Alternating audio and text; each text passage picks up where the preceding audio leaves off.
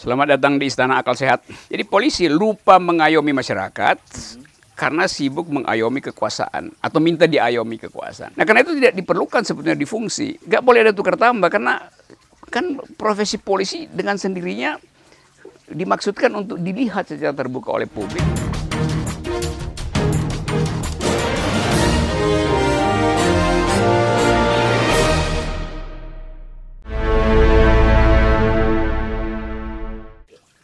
Halo, apa kabar Anda? Kali ini edisinya spesial. Kalau selama ini saya, kita ngezoom karena ada ada semacam apa eh, jarak antara narasumber dan kita mesti menjaga jarak eh, social distancing atau personal distancing. Kita akan sekarang eh, langsung ketemu dengan Bung Rocky Gerung dan seperti biasa ini adalah kerjasama dari Forum News Network dengan Rocky Gerung Official. Ini asik nih suasananya di di Oke. apa? Di rumah Bung Rocky nih. Selamat datang di Istana Akal Sehat. Iya, iya. Tadi baru makan jambu yang baru di Nah, nih. ya, dipetik di pohon Ini sendiri. eh, belakang situ ada pohon jambu. Mm-mm. Dan ini jambu yang eh, satu waktu mungkin akan kena pajak nih, dipajakin negara. Dia hitung bijinya berapa terus dipajakin. Tapi kelihatannya jambunya nggak nggak nggak dimakan kampret ya, baru bagus ya masih. Ya ini karena dijaga oleh pasukan eh, mungkin dijaga oleh pasukan eh, benur namanya? Ini lagi rame soal ekspor skandal ekspor udang ya, Iya, ekspor nih. benih udang ya. karena di, di, di bawah pohon jambu ini saya pi- piara udang Hmm. yang menolak untuk diekspor udangnya. Iya iya iya. Bung Rocky ini lagi agak eh, berapa sudah lama cukup viral nih dan rasanya ini kejadian langka karena biasanya kita mendengar selalu sorotan tentang polisi itu hal yang negatif. Ya kan?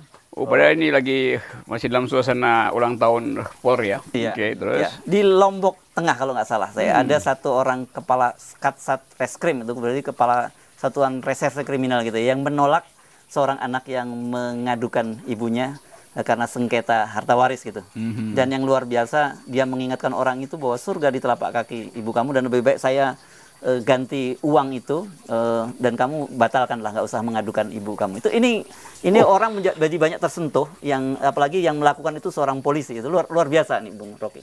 Ya saya ingat eh, novelnya Arundhati Roy, The God of Small Things.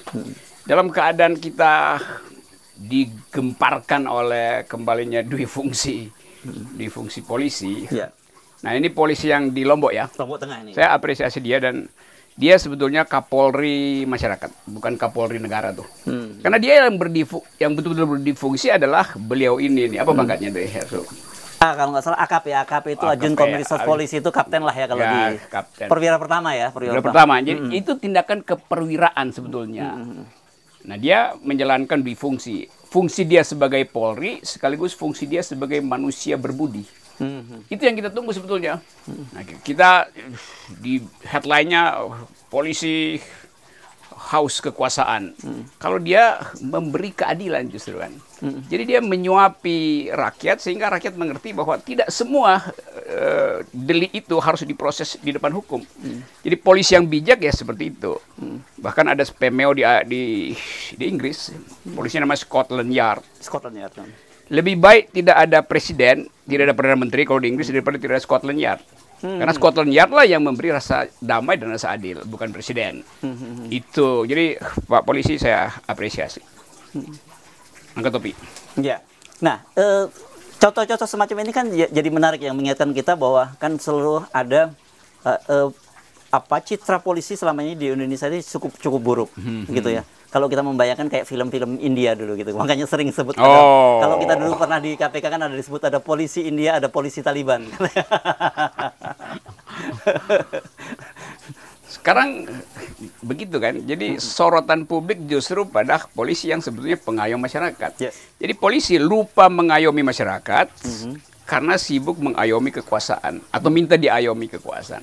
Nah, kritik publik yang sekaligus eh, dalam rangka ulang tahun Bayangkara, kebayangkaraan itu dasarnya adalah perlindungan terhadap mereka yang tersisi di dalam upaya mencari keadilan. Jadi bukan kriminalisasi justru, Iya. tapi eh, humanisasi itu.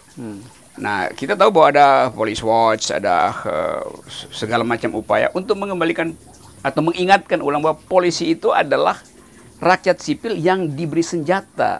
Jadi dia dasarnya adalah sipil. Nah, karena kalau dia sipil maka dia mesti melekat dengan kehidupan lokal seperti tadi.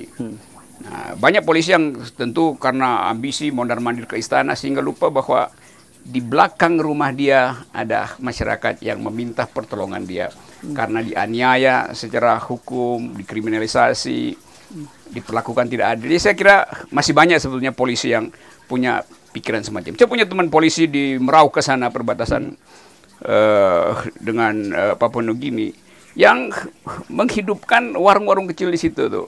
Bergaul dia beli mobil sendiri terus uh, bawa bibit macam-macam. Akhirnya perbatasan itu hidup. Yang tadinya hutan belantara dan uh, ditakuti akhirnya jadi komunitas baru tuh uh, Pak polisi itu. Oke. Okay. Kemarin kan uh, Tempo menurunkan tulisan yang cukup menarik tentang data begitu banyaknya polisi yang masih aktif dan dia kemudian merangkap di berbagai instansi hmm. pemerintahan banyak juga yang menjadi komisaris dan dan sebagainya kemudian ada kekhawatiran tentang kalau dulu namanya dui fungsi TNI sekarang ada dui fungsi Polri apa sih bahayanya sebenarnya bahaya karena dui fungsi itu kan karena orang haus kekuasaan maka hmm. dia cari fungsi lain selain fungsi profesinya dia cari fungsi politik gitu hmm. dan itu adalah eh, tradisi orde baru yang otoriter. Jadi agak aneh kalau sekarang tradisi itu masih di, diandalkan. Hmm. Apalagi uh, ngapain sih terlalu banyak jenderal tuh buat apa ada hmm. banyak jenderal hmm. kalau semua jadi jenderal artinya nilai jenderalnya turun kan inflasi kan hmm. kalau jenderalnya cuma satu dua tiga maka jenderal itu jadi kemewahan sebagai profesi sekaligus sebagai uh, otoritas untuk memberi komando. Mm-hmm. Nah kalau jenderalnya banyak berarti tidak ada komando tunggal kan, padahal mm-hmm. polisi memerlukan komando tunggal. Nah saya ingin sebetulnya orang lihat polisi itu lebih sebagai profesi pelayan masyarakat daripada pencari jabatan. Mm-hmm. Nah, itu artinya hak sipil untuk memperoleh jabatan sipil pasti tergusur karena harus menerima uh, polisi-polisi yang yang surplus uh, kejeneralan tetapi tidak peka terhadap keadilan sosial itu. Ya. Saya kira itu gambaran umum kita. Ya. Kalau kita mengacu pada orde uh, baru, Bung Rocky kan okay, dui fungsi pada waktu itu kan sebenarnya semacam dalam tanda petik trade off antara antara TNI dengan kekuasaan dalam yep. ini Pak Harto ya. Mm-hmm. Jadi artinya mereka diberi peran yang besar, kemudian uh, loyalitas dan mereka membackup yeah. kekuasaan. Apakah anda eh, melihat juga ada kecenderungan semacam itu dengan dui fungsi sekarang ini? Pada waktu itu, Soeharto lagi berupaya untuk mengamankan trilogi pembangunan, ya. yaitu stabilitas, mm -hmm.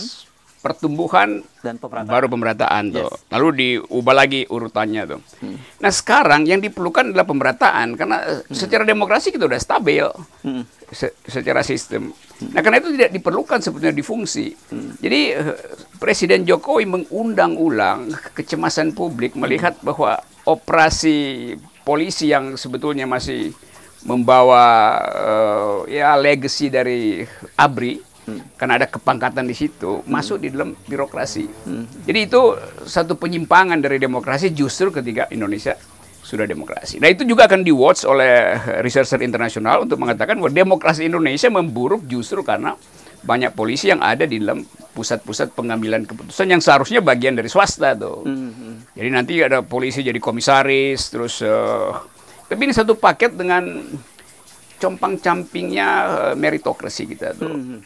Kemarin saya baca ada hakim, man, uh, hakim masih hakim uh, ad hoc mungkin di mana Jakarta Utara yang jadi komisaris BUMN. Hakim. Hakim.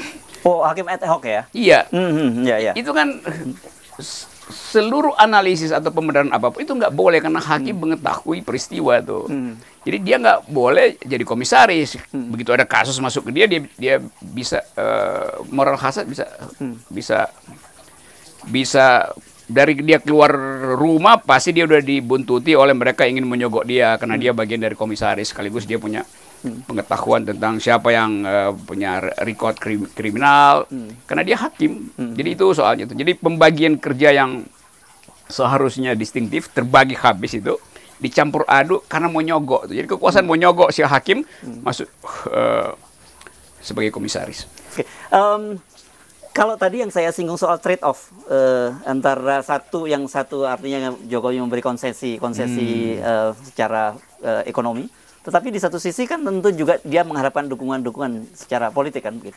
Saya lihatnya bag, ini bagian dari upaya presiden sekarang untuk memperoleh rasa aman setelah beliau lengser nanti itu. Hmm. Jadi dia mesti tinggalkan semacam penjaga-penjaga uh, reputasinya, terutama dari kalangan polisi tentu. Karena Abri nggak mungkin tuh. Abri Abri saya kira udah betul-betul final dengan profesionalitas tuh.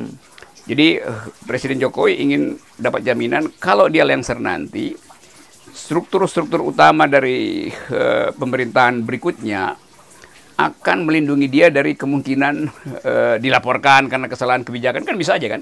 Jadi dia lagi nabung pengawal-pengawal pasca lengser nanti sebetulnya. Itu tukar tambahnya tuh.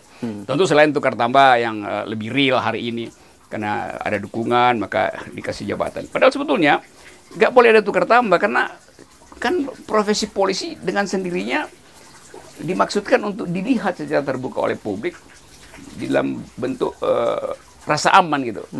Nah kalau polisi ada di wilayah kekuasaan justru nggak aman karena polisi bagaimanapun eh, surplus eh, kemampuan untuk memakai kekerasan kan. Polisi itu instrumen yang sengaja diberi hak untuk melakukan kekerasan di wilayah sipil karena kriminal. Jadi orang ya cemas lagi dengan keadaan demokrasi. Karena mereka yang punya alat-alat atau perlengkapan eh, kekerasan justru dibawa masuk ke dalam wilayah sipil yang isinya adalah argumentasi mestinya. Kita nggak bisa berargumentasi dengan polisi ketika polisi bilang saya penegak hukum. Maka selesai problem kan. Padahal wilayah demokrasi adalah wilayah transaksi pikiran itu dan transaksi eh, percakapan eh, argumentatif. Nah, oke, saya kira em, kita akan nyambung lagi pembicaraan Oke. dengan topik-topik yang lain, Bung Rocky. Oke, terima kasih. Sampai jumpa lagi.